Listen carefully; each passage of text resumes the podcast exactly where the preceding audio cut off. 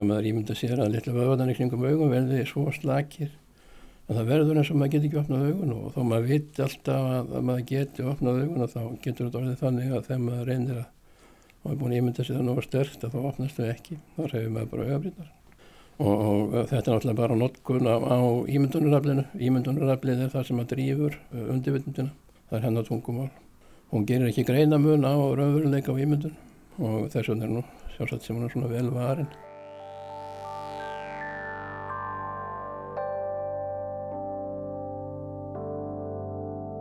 varin kona mín segja stundu við mig ekki tala við mig með dárufljóðir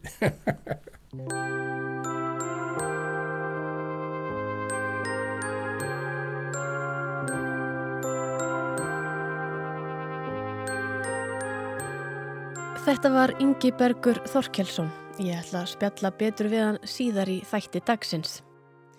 Þú ert að hlusta á glans. Í síðustu viku hófum við nýja stuttáttaröðum hlustun. Þá könnum við hirtnina sjálfa, eirað og það sem það nemur, hljóð. Í dag fetum við aðeins aðrar slóðir og fjöllum um hlustun og áhrif hlustunar. Hefur það sem við heyrum áhrif á okkur góð, slæm eða kannski bæði. Það er að segja skiptir máli hvað við heyrum og tökum inn. Hvað skiljum við og meðtökum mikið af því sem við heyrum? Hvað er virk hlustun og hver eru áhrif hennar? Skiptir máli að við finnum að það sé hlustað á okkur? Til að reyna að svara þessum og fleiri spurningum leitaði ég til fólk sem þekkir vel til efnisins og hafa það atvinnu með einum eða öðrum hætti. Ingrid Kuhlmann er einn þeirra.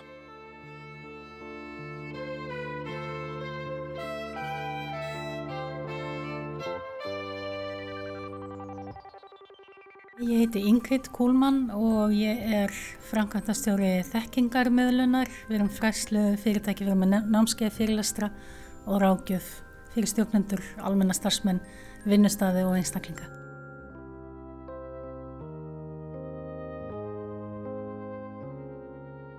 Hvað er hlustun? Já, það er stórt að spurt. Eh, ég segi alltaf að þetta snúast eilum þrjú atriði. Það er í fyrsta lagi að veita óskipta aðtikli sem þýðir að við hlustum, við sínum áhuga með líkamstjáningu, við nótum þagnir af því að það skiptir svo miklu máli að gefa viðmælandunum tækifæri til að tjá sína skoðanir án þess að við séum að koma okkar skoðunum að um, og við hlustum líka til að halda auksambandi til að geta fylst með því hvað fólk er í raun og veru að segja. Þannig að í fyrsta lagi bara að vera á staðunum og hugsa ekki um neitt annað á meðan. Í öðru lagi þá virk hlustun að taka saman það sem viðmælandin er að segja bara til að kanna skilning. Með því að segja til dæmis er ég að skilja þig rétt? Þegar þú segir að og þá gefur fólki tækifægt til að segja já það var einmitt það sem ég var að meina eða nei það var ekki það heldur. Og svo kemur fólk með eitthvað annað. Þannig að, að taka saman skiptimáli og svo í þriðja lagi að spurja spurninga eða eitthvað sem er óskilt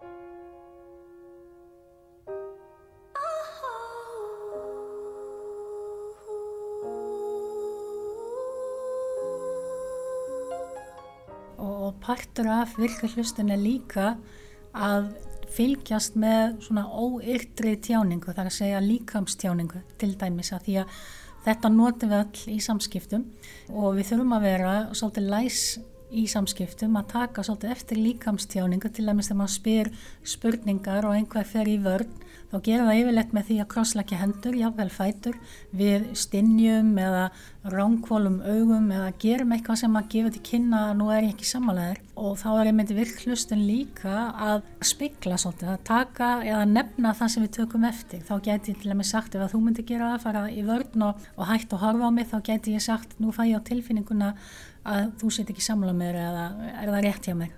Og þá færðu líka viðkomandi til að tala. Þannig að þessi, þessi líkamstjáning er svo stór hluti af samskiptunum og með líkamstjáningu þá getum við líka sínt að við erum að hlusta til dæmis við kingum kolli við notum orðum eins og akkurat einmitt nákvæmlega það þýðir ég skilja allt áfram að tala svo líka bara halla sér að viðmannlandalum sko það skiptir máli í staðis að halla sér aftur það gerur ofta um áhuga löst þannig að það er ímislegt sem við gerum og líkamstjáningin er sko kemur automatist, þetta er ekki eitthvað sem ég þarf að hugsa.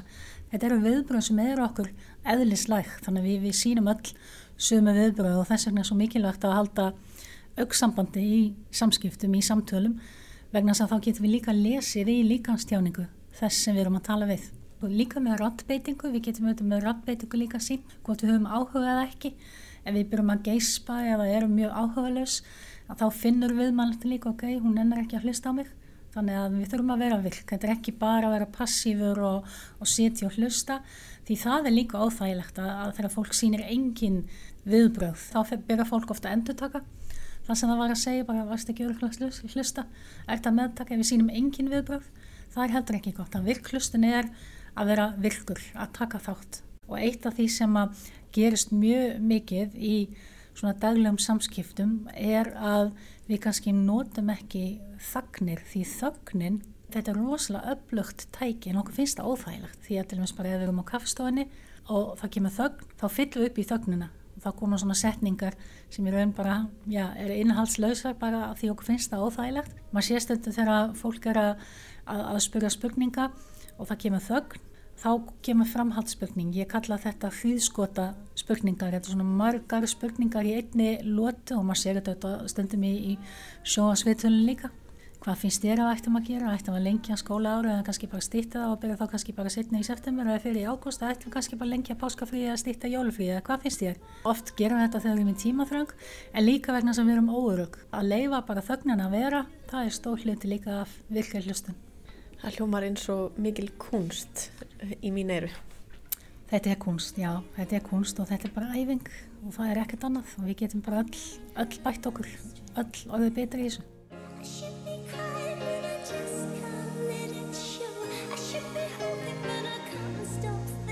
Okkur finnst oft kunna þetta, að kunna að hlusta, það kunna ju allir að hlusta eins og upplifum við stundum að fólk er ekki að hlusta á okkur. Ég kalla þetta stundum þykistu hlustun fólk horfið jafnvel á okkur, kingakolli en er samt að reyna að hugsa um eitthvað annað. Við erum stundum að æfa næstu setningu í hugunum og þá hlustum við ekki neitt heldur erum bara að reyna að koma okkar sjónamiðum að. Þá grýpum við frammi eða við, við veitum um því ekki aðtikli sem viðmælandin er, er að segja þannig að það er eitt. Og þegar þú segir að góð hlustun sé til dæmis að halda óskiftri aðtegli. Hvernig samrýmist þetta bara mannlegri hegðun og mannlegum eiginleikum? Eigum við þá ekkit, eigum við ekkit erfitt með þetta, halda aðtegli og þess að það? Jú, það er einlega stærsta áskorinu hjá okkur að halda aðtikli því að bara til dæmis meðalmaður segir cirka 125 orð á mínútu en það fara um 800 orð í gegnum hugan þannig að við erum auðvitað á fullu að meðtaka og, og kannski tengja við okkur eigin reynslu á meðan við erum að hlusta. Og þetta er áskorun og mér finnst alltaf frábært það sem að Guðni Gunnarsson sem að lífstilsrángjafi hann segir oft að þú þarfst að vera full komin eða alkomin. Þetta hefur ekkert að gera með að gera allt 100% heldur að vera á staðnum og leggja sér fram að hlusta. Við erum með tvö eiru og einn munn, við ættum kannski að hlusta eins meira og tala eins minna. We have two ears and one mouth so that we can listen twice as much as we speak. Kristrún Freiriksdóttir fjallarum hlustun í námsrítgerð sinni Ljáðu mér eira Þar segir að hlustun sé það ferli að móttaka, byggja upp merkingu og svo bræðast við bæði yrtum og óyrtum skilabóðum. Það er að segja orðunum sjálfum en einnig líkamstjáningu og öðrum skilabóðum sem kannski ekki eru sögð upphátt. Þetta ferli er virt og breytilegt og við allt í senn veitum aðtikli, skinnjum, tólkum, munum og bregðumst við þessum yrtu og óyrtu þörfum, áhyggjum eða upplýsingum annarar mannesku. Við þurfum því að geta heyrt og svo haft vitsmunni og getu til að skinja, tólka, skilja, bregðast við og greina það sem heyrt er og svo framvegis. Hlustandin þarf því að vita hvað hann er að gera og hvers vegna hann er að gera það sem hann er að gera. Þá þarf hann einnig að vilja taka þátt í samskiptunum og sína viðegandi hegðun. Þegar við setjum sniður með vinum og vandamönnum yfir kaffi eða tebotla og ræðum um dægin og vegin spilar því heið vitræna, tilfinningalega og hegðunalega inni.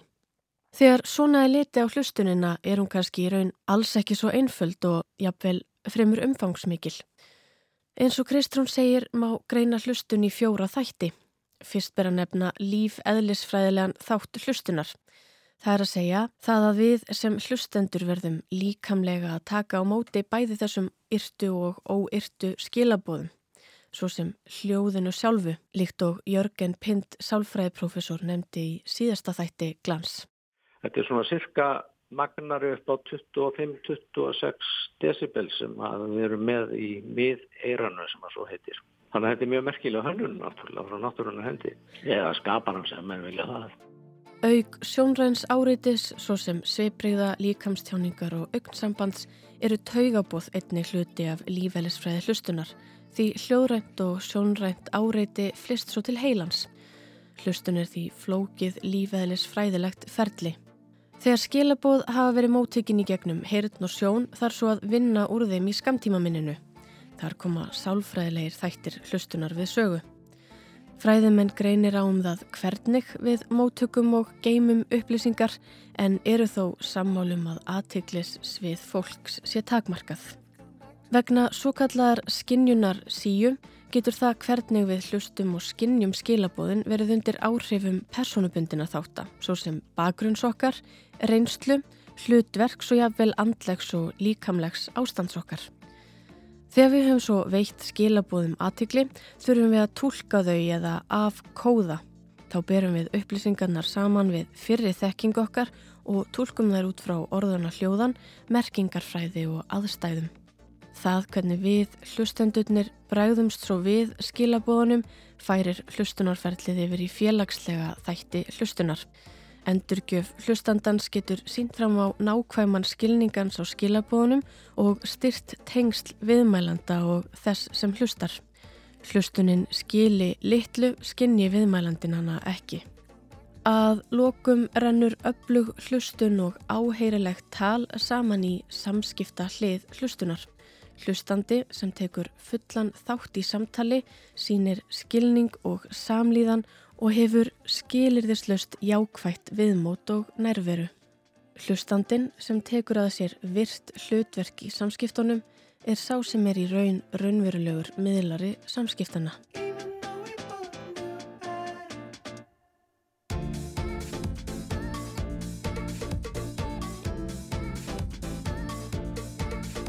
Virklustun er skemmtilega vel eða, ætti að segja, ítla útferð í þáttunum That Midtjylland Weblook eins og heyra má á þessu broti. So, James, pleasure to meet you, James. Real pleasure to meet you. Heard a lot about you, James. Really? Zing, like it. So, uh, tell me, James, what do you do for your day job? I'm asking because I'm genuinely interested. Well, well I work in a sewage treatment plant. It's pretty low key, but yeah. occasionally there's okay. a blockage, which means yeah. someone's got to physically. Yeah, brilliant. Yeah, God, I'm so bloody fascinated, James. I'd like to glue my brain to your face. Are you even listening? That is so true. I'm not even talking. Me neither. God, we've got so much in common. We should totally do lunch.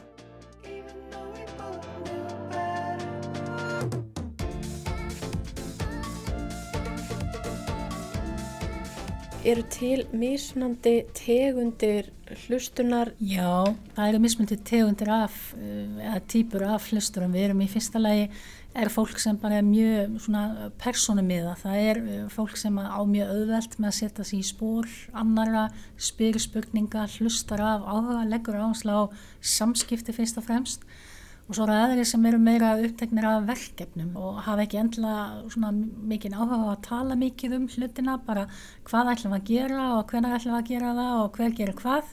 Sem eru skipulaðir og vilja bara koma sér beint að umræðefninu og við höfum bara stuttan tíma, ég nenn ekki að fara að tala mikið eða hlusta mikið á svona útúldúra eða málalengingar bara, veist, koma okkur beint að efninu. Og svo eru það þeir sem að kannski hlusta meir eftir innhaldinu, það er svona þeir sem eru innhaldsmiðið og þeir spurja spurninga, krifja málinn, vilja fá meir upplýsingar um, um hlutina og ef við notum þessar aðferði bara í mismundi aðstæðum eins og þegar við erum á námskeiði þá erum við oft svona meira að einblýna á innhaldi, þá viljum við vita um hvað snýst þetta og, og við spurjum spurninga og svo frá þess í, í samskiptum heima fyrir þá er kannski meira personumiðuð hlustun á meðan þau verðum í vinnunni þá er kannski meira með fókusin á, á verkefnin þannig að allir þessi stílar eiga við bara í mismunda aðstæðum.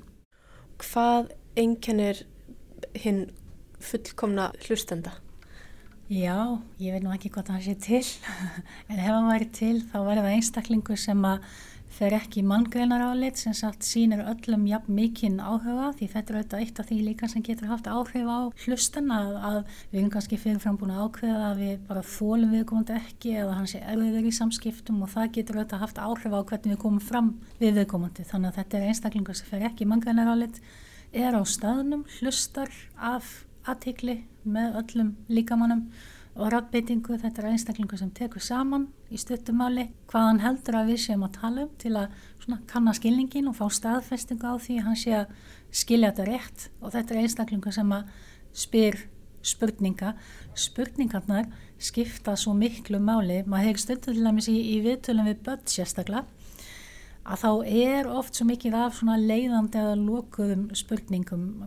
Þegar við spurjum bara svona spurninga lokaðra eða leiðandi þá fáum við þetta ekki mjög góð svör og við notum stundum leiðandi spurningar til að fá það svar sem við viljum fá. Þetta er svona það sem við gerum mjög mikið í daglegum samskiptum þegar til dæmis við spurjum segir ekki allt fínt? Er ekki nóg að gera hefur? Var þetta ekki góð mynd? Gekk ekki vel í prófunu? Þá fáum við bara jú og jú þýðir ekki alltaf já. Og við erum kannski að spurja spurningar sem við viljum fá ákveð svar við og eins og segir við erum alltaf að tólka og lesi aðstæður heyru við stundum bara það sem við viljum heyra eða byggt á reynslokkar og umhverfi og þess aftar? Já, það er mjög algengt. Við erum stundum búin að ákveða hvað við komum til ætlar að fara að segja og við erum kannski jável búin að ákveða að við ætlum ekki að vera sammála heldur. Þá hlustum við ekki neitt heldur, erum bara býð eftir að komast að. Þannig að þetta er eitthvað sem við, við þekktum öll að æfa okkur í og það góða er að við fáum svo mörg tækifæri á dag. Listen to the song here in my heart. A melody I start but can't complete. Listen. En ef maður er bara til dæmis búin að upplifa langa vinnudag og maður hefur ekki orku og burði til þess að hlusta, hvernig getur maður þá höndlað samskipti? Þetta gerist oft, maður kemur heim og það búið að vera mikið að gera og mikið álag og svo fer maður heim og þá koma kannski börnin og, og strax eða makinn og þá er bara einfallega mjög gott að segja gefðu mig tímitur, ég ætla aðeins að leggja mig tímitur eða aðeins að kvíla mig og svo er ég tilbúin til að tala við þið. Frekar en að hvæsa á börnin eða makan eins og gerir stundum að, að segja bara einfallega nú þarf ég aðeins að, að ná mig niður, ég kannski fer í stuttan göngutúr og svo skulum við setjast niður á spjalla þetta þarf ekki að vera mikið en bara aðalega að við séum á svona góðum stað til að meðtaka, til að virkilega hlusta. Með því að hvæsa eða með því að vera ekki á staðinu þá erum við heldur ekki að sína virðingu í samskipti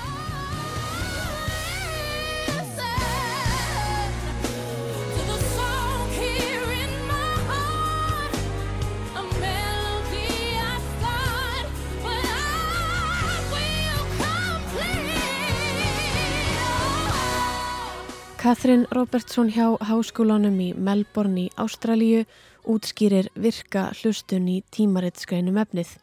Eftirfarandi teksti er úr erindi Ingu Jónu Jónsdóttur, dósents við Háskóla Íslandsum hlustunarferðni stjórnenda og sérfræðinga.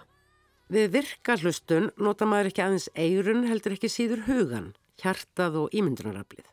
Við hlustum á orðviðmalandans en við hlustum líka á það sem er ekki sagt leitum eftir skilabóðum þótt þau byrtist ekki í töluðum úrðum. Við veitum aðtekli röttinni, framkominni og allir líkamstjáningunni. Við reynum einfallega að soga upp allt sem viðmælandin er að tjá án þess að draga nokkuð úr eða bæta við eða leiðrétta. Það getur verið erfitt að láta vera að grýpa fram í eða trubla frásögnuna.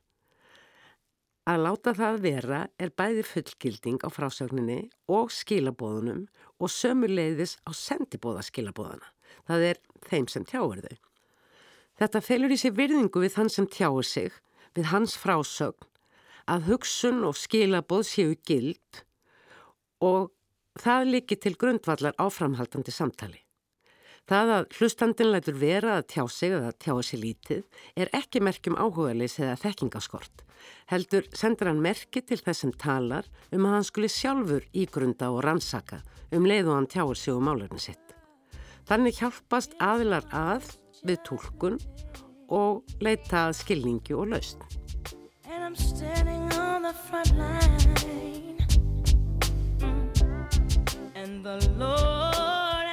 Anna Gíða, samstjórnandi glans, sinni nú öðrum verkefnum tímabundið og við ákveðum að ég myndi fjalla um hlustun á meðan. Hæ. En Hæ. hún er ekki alveg eins vel sloppin hún kannski hjælt í fyrstu. Heyrðu í mér? Hæ, hæ. Því ég ætla að setja fyrir henni og reyna að ná aðeins á hana þar sem hún er stödd erlendis og forvittnast um hverjar hennar skoðanir eru á þessu efni. Ég er bara svolítið lágt, þannig ég hækka bara aðeins í þér. Ok, og ég get líka að...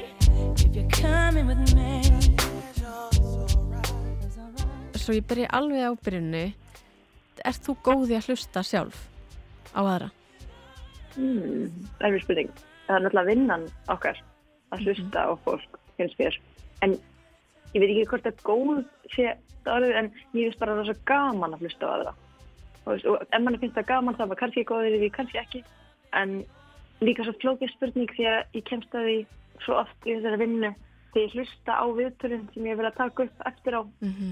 að ég heyrði kannski eitthvað allt annað þegar ég var á staðunum heldur en ég heyrði síðan eftir á þannig að um, maður heldur stundum að maður sé að hlusta en maður er ekkert eða maður heyrir oft bara það sem maður vill heyra eða eða maður heyrir eftir skapinu sem maður er í þá stundina eða ég veit það ekki mm -hmm.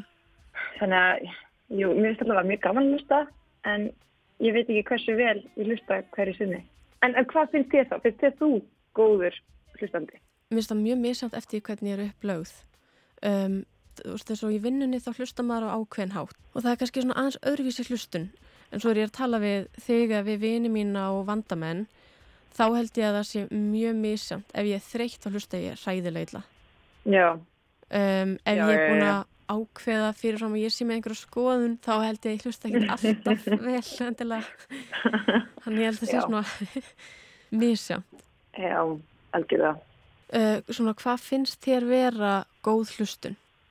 mm, Góð spurning Úf, ætlum við finnist ekki góð hlustun vera þegar að aðilins vera að hlusta næra að hlusta það sem þú segir og tólka það eins lítið út frá eigin reynslu og hægt er. Og ég er búin að hugsa svolítið mikið um samkend, hvernig við kennum samkend er kannski ekki alveg rétt eða ekki endilega besta leiðin við erum alltaf að segja að við erum að reyna að setja okkur í spór annara. Ef við reynum að setja okkur í spór en það verður við einhvern veginn að búa til myndir af því sem þau eru að, að, að upplifanir, af því sem þau eru að lýsa eða segja frá. Og við erum að reyna að ímynda okkur hvað þau eru að gangi öfnum en ef við reynum að ímynda okkur þá getum við það eiginlega nema út frá einn reynslu. Og það verður oft svo ofbáslega gallað. Og það er bara alveg á skjön við það sem að hinn aðlun er að tala um það að segja og ég held að í dag finnast mér þá góð hlustun verða þegar þú hlustar og bara hlustar og býðir ekki til neitt í kringum það, eða svona reynir og reynir það meðvitað að búa ekki til neitt meir í kringum það. Já, og það er kannski annað þegar maður er að tala um eitthvað sem maður er að, þú veist, gangi gegnum eða upplifun eða eitthvað. Hvað vill maður frá þeim sem hlustar? Vill maður ráðin, skilningin, bara hlustuna? Hva? Já, einmitt. Hvað vill þú vanalega? Sko, oft vil ég held ég staðfestingu eða ég held að íslenska orði, validation sé, veist, fullgilding. Oft vill Já. maður einhvern veginn bara það, eins og ef maður er kannski að kvartir einhverju basic eða ég, já, bara svona eila hvað sem það er, að maður fái bara þetta, þú veist, já, uh, það hlýtur að vera erfitt eða já, það er leiðild að heyra. Já. Sama hvert samtali fyrir svo, þá held ég að ég vilji mjög oft bara einmitt þetta eða þetta sé nót. Er það fullskilding á þínu vandamáli eða þér sem personu, eitthvað þannig, bara þú ert í lægi fyrir þessa reynslu? Já, jafnvel, eitthvað, eitthvað sem segir bara svona þínar tilfinningar eiga rétt á sér eða eitthvað þannig. Já, já, já, já, einmitt.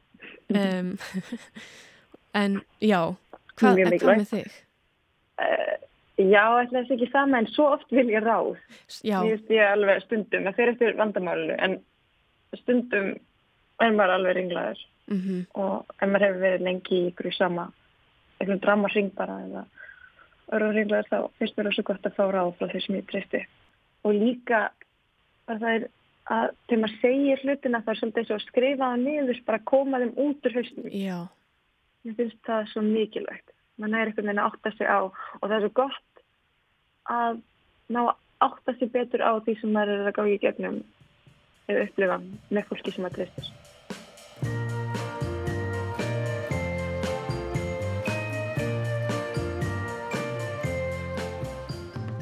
Hvað getur við tekið inn mikið af samskiptum bara út frá hirninni? Já, góð spurning. Það er yfirleitt talið og þá er ég að tala um samskipti maður og mann og þá er svona cirka 7% er orðin, hvað við segjum, hvaða orðalag við notum.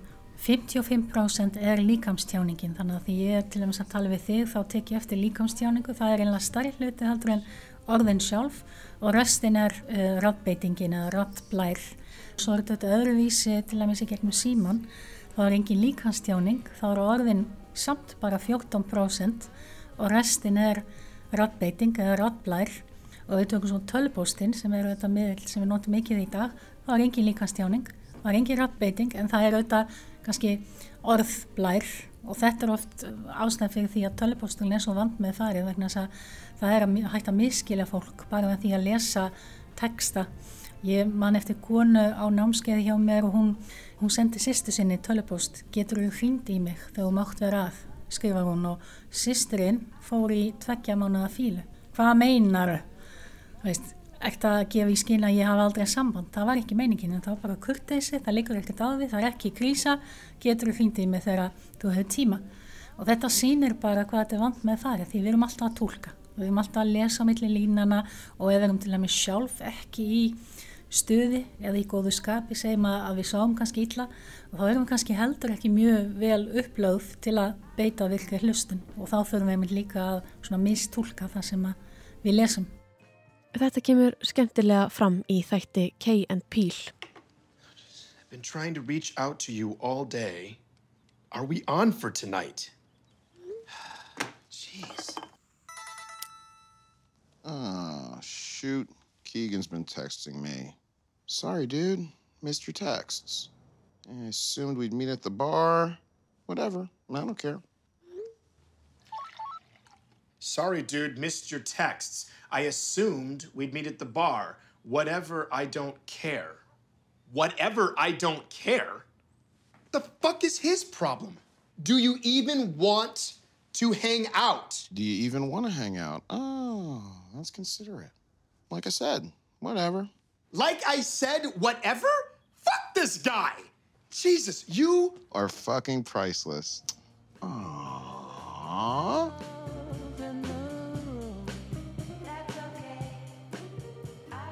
Þannig að svona þetta nútíma líf okkar þar sem að samskipti hafa e, í ákveðu miklu magni færst í þetta e, skriflegt tjáningaform eða samskipta máta, er það þá neikvægt? Það er ekki alltaf neikvægt en við þurfum bara að vera meðvitið um það. Ég, hef oft sagt á námskeiðan sko ef að, ef að Shakespeare væri uppi núna þá hefði hann sagt to send or not to send er að segja að, að senda tölupósti eða einhvað bara frekar að taka upp tólið eða hitta viðkomandi maður og mann. Þetta er bara öðruvísi samskiptamáti. Hann er ekkert verið eða betri en við þurfum bara að vera með, meðvituð um að sumt er bara betra maður og mann. Við þurfum að átt okkur á því að það er miklu auðaldra í samtali að spurja spurninga, komast að rót vandans, byrjast afsökunar, finna lausn á vandamálinu. Þá nótum við líkast að auðvitað langt best að hitta fólk maður og mann eða símleiðis. Tölupóstilin er ekki besta leiðin og þetta er svolítið það sem við þurfum að átt okkur á. En hversu vel og oft notum við hæfileikan til virkrar hlustunar þegar við eigum í samskiptum við aðra? Oft, stundum eða sjaldan. Hvernig stendur þú þig? Ég forðast að hugsa um aðra hluti þegar ég hlusta á einhvert sem er að tala. Ég býð með að mynda svör eða andsvör þanga til viðmælandi minn hefur lokið máli sínu. Ég fylgist með líkamstjáningu og orðum annara. Ég er meðvituð, meðvitaður um mína líkamstjáningu þegar ég er að hlusta á aðra. Ég forðast að grýpa fram í fyrir þeim sem er að tala. Ég umorða það sem sagt er til að tryggja að ég hafi skilið það sem viðmælandi minn var að segja.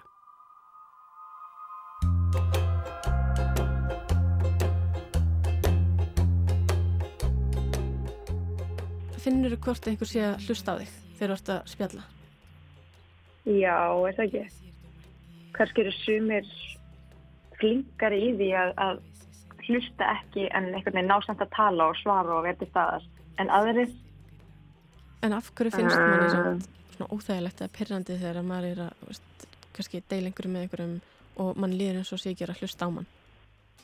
Að finna alltaf eftir hvað þú ert að tala um, hvað sem mikilvægt það er. Mm -hmm. Það er sæðileg tilfinning að vera að tala um eitthvað sem skiptir þig mjög miklu máli, veldur kannski sársöka og svo og þess að þetta er aðalið sem þú tristir og þú byggir vendum og ef hann er ekki að hlusta þá er það, það fylgir ábyrgin höfna tilfinningar, veit ég. Já. Hvað finnst þér um þetta? Já. Hvernig, mér... hvernig líður og, hver, og fattar þið þegar fólk er ekki að hlusta? Já, ég hugsa ég fatti að kannski stundum er það einmitt ómeðvitað að maður svona skinnið það en er ekki alveg að ná að grýpa þá pælingu, af hverju er þetta samtal pyrrandi ég kannski veit ekki út af því upplifa að það sé ekki að hlusta á mig maður setja kannski ekki það skýrt í orð og ég verð mjög frústrið þegar það er ekki hlustað á mig og mér finnst það mjög erfitt og hérna og ég vissi ekki alveg af hverju eða fyrir en ég byrja að vinna í þessum þætti þannig að það langaði með um þetta að spyrja þig nú get ég kannski setta hans, nú get ég Anna? Já. Já, ok, ok, já. Já, já, ég hlusta. Já. Nei, það er ekki að hlusta. Nei, það breytist eitthvað símtalið, svona hljóðið, þannig held að það er skellst á. ok, nei, um, ég er hér að hlusta. Þú eru að segja já, að hérna, já, þannig að nú get ég svona aðeins, einmitt sett fingur á það og það er smá svona eins og þú veist, það sem þú ert að segja skiptir ekki máli og mhm. jafnvel, mm. þú veist, ef maður upplifur þetta oft, þú veist, þú skiptir ekki máli eða skilur við ef maður tekur þetta einhvern veginn lengra um, mm -hmm. já aðlinn sem er ekki að hlusta hann er með að gera eitthvað annað, þannig að kannski símanum ef hann er að hugsa bara eitthvað annað og þá er það sem bara það sem hann er að gera í staðin er mikilværa Já, einmitt, forgáðsögun, já, þetta er kannski svolítið svona þú ert í öðru seti núna. Og það óþægilega er að ég er ofta að hlusta á þess að hlusta ef ég er þreytt þá bara hreinlega hlusta ég ekki. Já, þannig að maður kannski ofta að gera öðrum þetta. Svo er líka, sko, maður má ekki vera að taka hlutum of personlega Nei. í svona hlustunarmálum af því að það er ekki hægt að ætla til þess að þessi hlusta á maður allan daginn, allan lilla daginn að því að, meina, er það ekki svolítið marsisismi líka? Það er eitthvað dynni, áþægilegt Það er versta tilfinningin. Óvægt dingl. Já, það er versta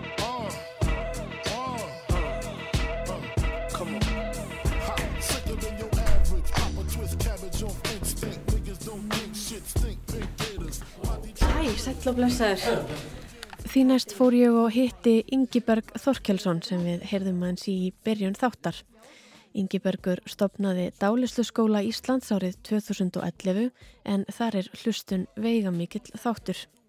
Ingibergur tók á móti mér á skrifstofu sinn í ármúlanum og þegar gengið er inn blasa við þrjú stór og falleg málverk. Eru myndirnar á vekkjanum uh, sérvaldar? Nei, kona mín er leysmálari, Freyja Dana. Hún er þess að það er hérna. Já, já, og ég heiti Ingi Bergur Þorkjálsson og ég er dánasturskóli Íslands og þar eru við með námskeið fyrir fólk sem vil læra meðferða dánastur og síðan er ég að stunda meðferðir.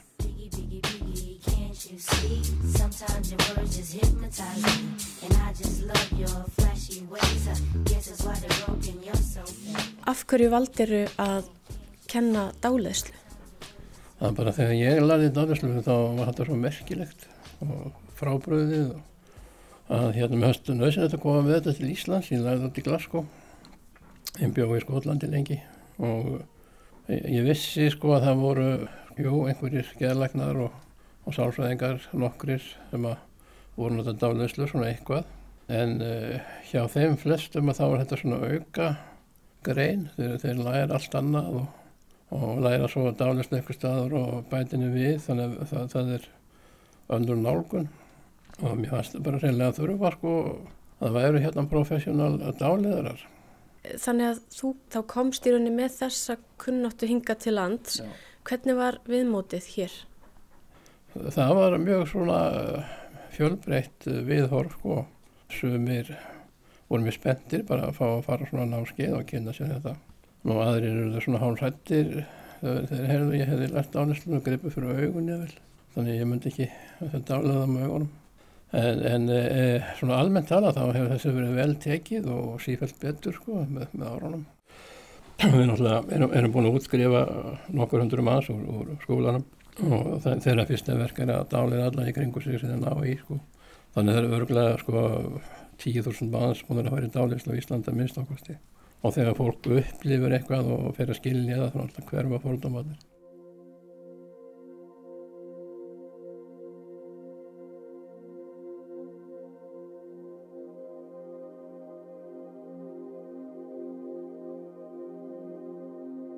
Hvað er dálisla? Það er ekki gott að segja. Hvað er rafmagn? Sko, rafmagn virkar og það er saman með dálislu. Og það sem er, er vitað um dálislu er, er að þú, þú ferði í svona lægri heilabilgju stöðu. Það er 8-13 þá er það dálisla. Þú ferði yfir 13 og þá er það komin upp í vöku ástand. En, en svo er þetta velta þessu fyrir sér hann hátt. Sko. Það getur vel verið að dálisla það sem er meðferð að gera sé svona mjög álíka eins og svefn eða drauma ástand. Þeir sem eru í, í þess áttar meðferð að þeir setja gravkjúrir, reyfa sig ekki, kannski tvo tíma. Og, og þetta er mjög líkt og það sem gerist þegar maður sefur því að þá slekkur líkaminn eða hugurinn á líkamann. Þannig að mað, maður fara ekki að hlaupa eitthvað þegar maður er að dreyma maður sé að hlaupa.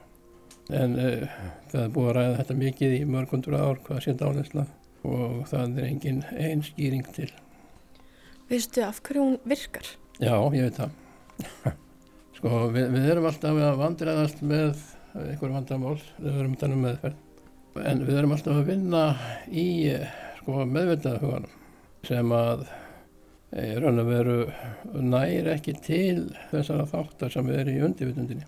Í, í dálislu þá nálgast maður undirvitunduna vin, vinnur þar og það náttúrulega er miklu öflugra. Það eru geimdar alla minningar og alla tilfinningar og, og allt, allt það sem við höfum lært í rauninni og, og allir viðbröð og allt slikt er þar. Þannig eins og eins og til dæmis að þeir sem eru flugsæti þeir vita óskup vel að, að það er ekki hætturögt að fljúa og það, það er ekki eins hætturögt eins og að kera bíl til dæmis. En samtíð er alveg skjelvingur losnið þegar við þurfum að fara í flugvel.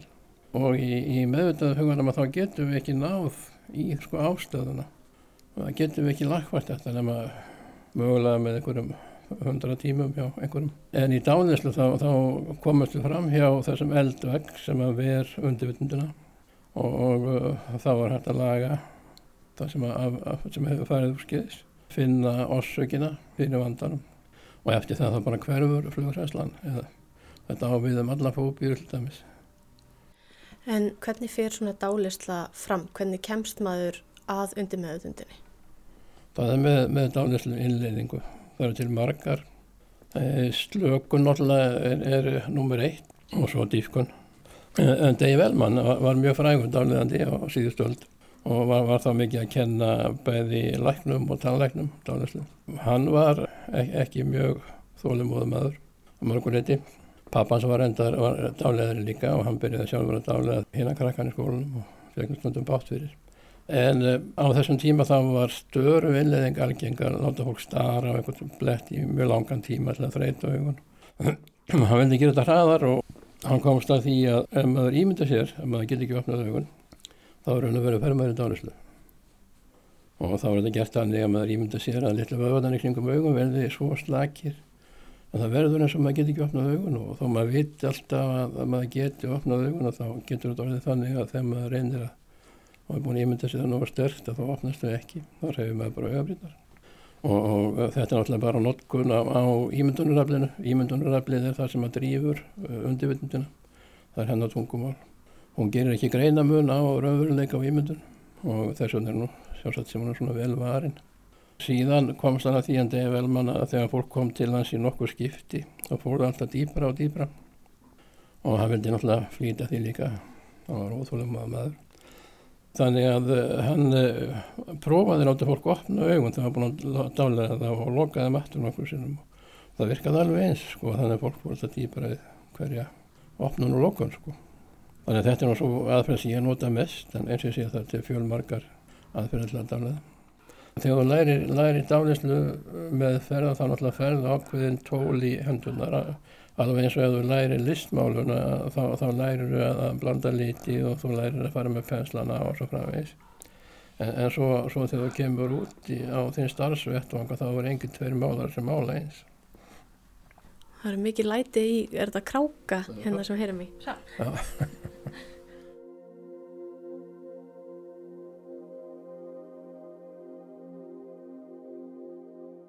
So just look at my fingers and follow my fingers with your eyes.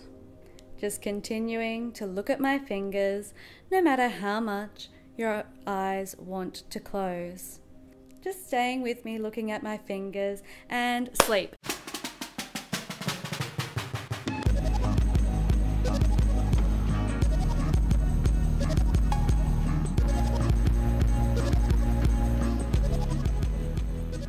Hvar er dálisla flokkuð? Er þetta eins og ákveðin læknavísindi eða hvernig myndið þú flokka dálisluna? Hérna á öldum áður og það var engin lækni með læknum nema að veri dáliðandi og mjög margir læknar sem að gafa út bækur um dálislu. En svo hefur þetta verið svona upp og ofan sko, ekki alltaf allir sem voru ánaði með dálislu og, og dálislu var mikið nótuð í deyfingar því hún virkar í það. Eins og tannlækna deyfingar? Já og bara skurðagerðir og svo þess. James Estill var lengi í Indlandi, læknir, breskurlæknir og hann notaði dálislu við uppskurði, það, það voru engin deyfilif og uh, hann náði mjög góðum árangri. Á þessum tíma þá var um 50% sjúklingar sem dó eftir skuðaðgerð. En þegar hann var búin að nota dálislu þá fór það nýri 8%. Og síðan uh, var mjög, mjög stort hlutfall sem að fann bara ekkert til og var, var í dálislu ástand, mjög djúbu dálislu ástandi og, uh, fann ekkert fyrir þessu.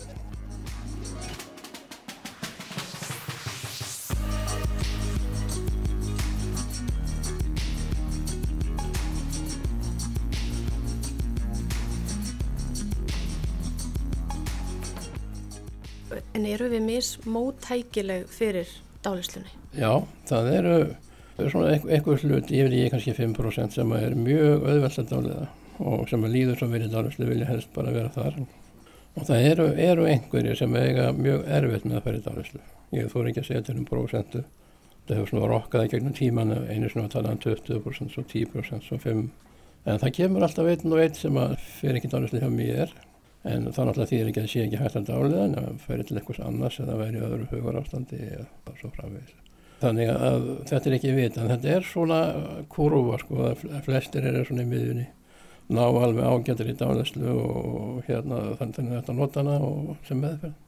Er þetta að benda á hvað veldur? Bæði þá hvað veldur því að maður er meira mótækilegur eða minna mótækilegur fyrir dálislu? Það er fyrst og fremst meðfætt en, en það er samt þannig að, að með æfingu þá getur maður farið dýpra og dýpra. Þegar að þú ert svona að komast í undirmeðutundina þarf fólk ekkert að óttast? Nei, nei, nei, alls ekki. Það er ekkert að óttast. Það er ekkert hægt eins og maður hefur heyrt út undan sér að, að krukka í fólki eða hvernig maður segir prógrama það til að gera eitthvað sem er ekki þeim í hag og þess áttar. Ég held að það veri mjög mikið vinna og það ekki langan tíma.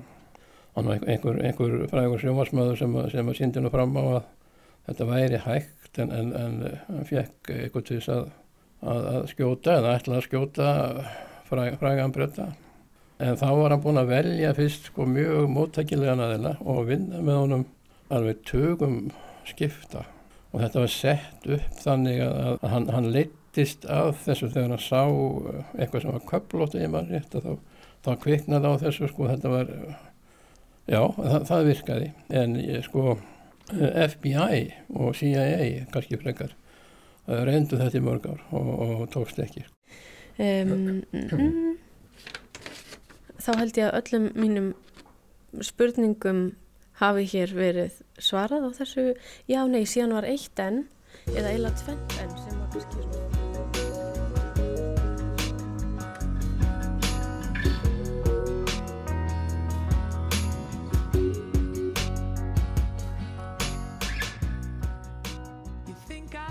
Að hvaða leiti spilar hlustun hlutverk í dálislu og í þínum störfu?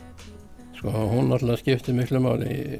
Röddina náttúrulega er aðal tæki í dáliðan dans og hvernig maður nota röddina og bara hvort maður tala hrætt eða hægt og hvernig maður breytir röddinni. Það talaði um það þegar fólk lærir dálislu meðferð og þá svona eignast á sína, sína dálislu rödd.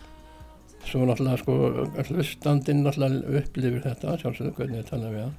Svo náttúrulega annað merkilegt í, í þessu að ef maður tala við fólk fyrirfram um hvaða breytinga það vilja gera. Ef við komum til að segja manni hverju þau vil ná fram. Ef maður notar sömu orð í dálislunni eins og dálislu þegin notaði þá nær maður miklu betur árangri. Ef maður fyrir að breyta og einhvern nátt orðaröð eða nota önnur orði við það sama þá hefur það ekki sömu áhrif Þannig að í rauninni þá skiptir það miklu máli hvað við heyrum því að það getur haft áhrif á okkur. Það getur til dæmis hjálpa okkur að vinna á kvíða eða... Já, já. Það snýst allt um það sem er sagt og það sem er heyrt, já. Ég sá nefnilega í myndbandi á vefsíðun ykkar já. þar sem að þú varst til dæmis að tala um að hægt sé vinn úr áföllum með um, dálislu og mér fannst þú komið svo áhugavert dæmi þar til dæmis ef að fóreldri segi banninu sínu nógu oft að það sé ekki nógu gott eða ómögulegt eða hvað sem er að það geti þá, heyrim að það nógu oft þá geti það bara mynda sjálfs, sjálfsmyndmanns Já, maður þarf ekki að heyra það oft það er bara að það er nógu ákveði sagt og að maður trúi því. Þegar maður er bann þá hefur maður enga, enga möguleika á því að meta þetta. Þannig að maður trúi því sem að mamma og pappi segja eða kennarinn. Og, og, og það er nógu stundum að þetta sé sagt bara einu sinni og, og þá verður þetta bara eins og álög veist, það sé bara búið að leggja það álög þá, þá, þá, þá kemst ekki löndastrón sko. Breytist þetta mikið er maður verið fullorðin að maður takk ekki inn á sig eh, með þessum hættið þar sem maður heyrir?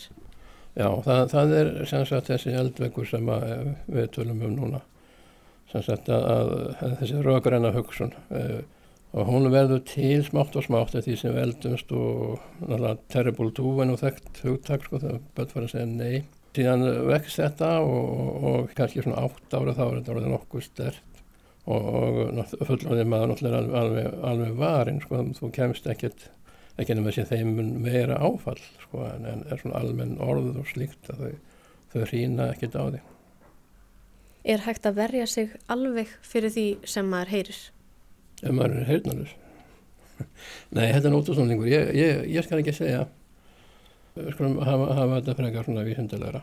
Undirvitnundin er varinn með, með svona eins konar eldvegg, þessari raukhugsun. Það sem við erum að diskutera yfir, yfir kaffiborðið eitthvað staðar, að það hefur engin, ekkert mjög mikil á mann venjulega, en, en þó heyrir maður stundum eitthvað snjallan ræðumann segja sögu eða eitthvað slíkt að næri manni og, og maður getur ekki værið sér fyrir því.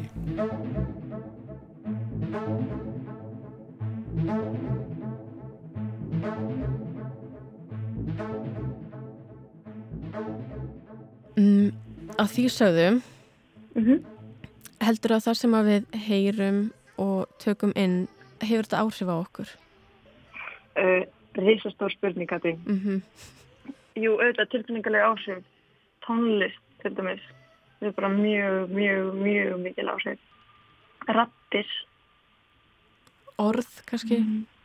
Orð, já, já, já mm, En heldur að við séum samt svona mismóttækileg fyrir því að það sem við heyrum hafi áhrif á okkur? Já, ég hef byggið þetta ekki allt á reynslu. Ég held að þetta sé bara nákvæmlega eins og sjónum að við heyrum svolítið það sem við viljum heyra, því sem við trúum þá stundina.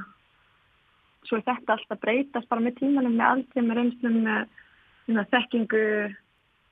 Mm -hmm. Já, ég held að sé mjög mis útvekileg fyrir því sem við heyrum.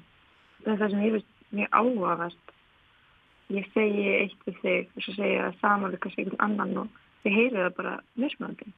Sem er leiðist, þú segir eitthvað við mig og svo segir einhvern annan en við heyrum það mismöndi. Og þetta er líka, þetta er að pæla í sögum, þetta er það áhugaverða við sögur. Það breytast alltaf mm -hmm. á Mhm. millin manna. Og eins og við hefum oft talað um þegar við erum að vinna úr viðtölum saman Mm. uh, og við hlustum á nákvæmlega kannski sömu þrjár Mhm. á viðtalinu og oft kannski og við endum uppi með því að taka bara 100% andstæða hluti úr þessu þryggja mínúna broti. Svo áhugavert. Erum við- hefur verið svo gefandi að vinna saman að, að, að þessi uppgötun er svo mögnuð. Þrjár mínútur af hverju spjalli og við, og við heyrum eitthvað allt annað úr því. Ótrúlegt. Ótrúlegt. Þannig að maður getur ímyndað sér, þú veist, hvað ætli þá hlustendur takir síðan eitthvað allt, allt annað og jáfnvel allir. Bara svona Mhm.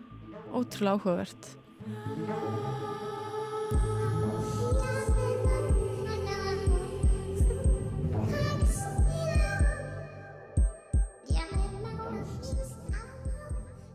Og hver er ávinningurinn af svona betri hlustun? Ávinningurinn er í fyrsta lagi að geta skilið annað fólk, að geta sett sín spór annara e, og líka það eins og ég nefndi aðan fólk finnur að það skiptir máli, mitt álit skiptir máli, það er ekki gaman að, að tjásu um eitthvað og svo er kannski viðkomandi bara ekkert að hlusta og kemur bara með sína skoðun og þá er svona að fær maður tilfinningu að sé verið að hunsa skoðanir eða ef að ég fæ þá tilfinningu að það sé ekki verið að hlusta á mig og það skiptir ekki máli hvað ég hef fram að færa að þá bara hefur það mjög letjandi áhrif. Svo ég spurði nú kannski leiðandi spurningu þannig að það skiptir okkur máli og, og það er, hefur áhrif á okkur að finna fyrir því að það sé hlusta á okkur. Já, við höfum öll þörf fyrir að vera metin að verleikum og það er auðvitað það sem gerist ef við að, að leggja okkur fram að hlusta á fólk að þá finnum maður, ok, ég skipti máli og auðvitað það eigur vel í þann þannig að þetta er klálega eitthvað sem skiptir miklu máli í samskiptum.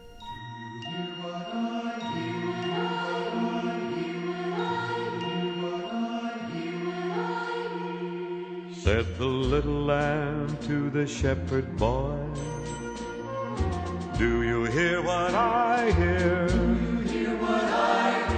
Ringing through the sky. Verður samfélagi betra ef við æfum okkur öll í að hlusta betur? Ég held að, ég held að það væri mjög gott markmið að við myndum öll leggja okkur fram og æfa okkur bara, taka bara eitt aðri í einu og æfa okkur í að hlusta meira, tala kannski aðeins minna, setja okkur í spór annar en að skilja hvað annað fólk er að meina og, og líka bara skilja langanir og þarfir og drauma og óskir og, og skoðanir annara, þá held, held ég að við verðum á betri stað.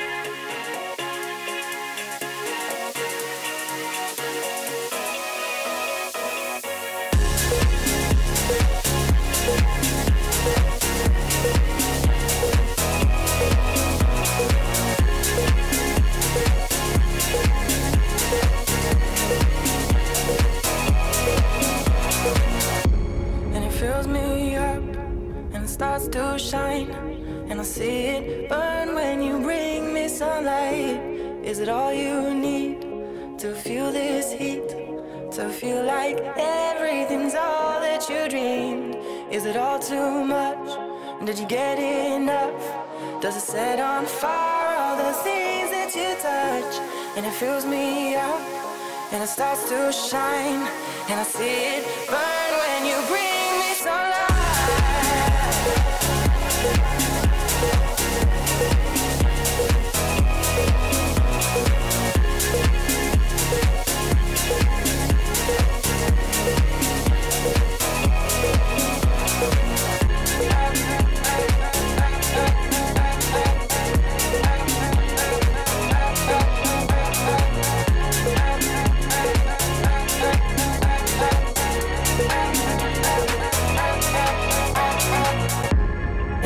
me up and it starts to shine and I see it burn when you bring me sunlight and it's all you need to feel this heat to feel like everything's all that you dreamed and is it all too much?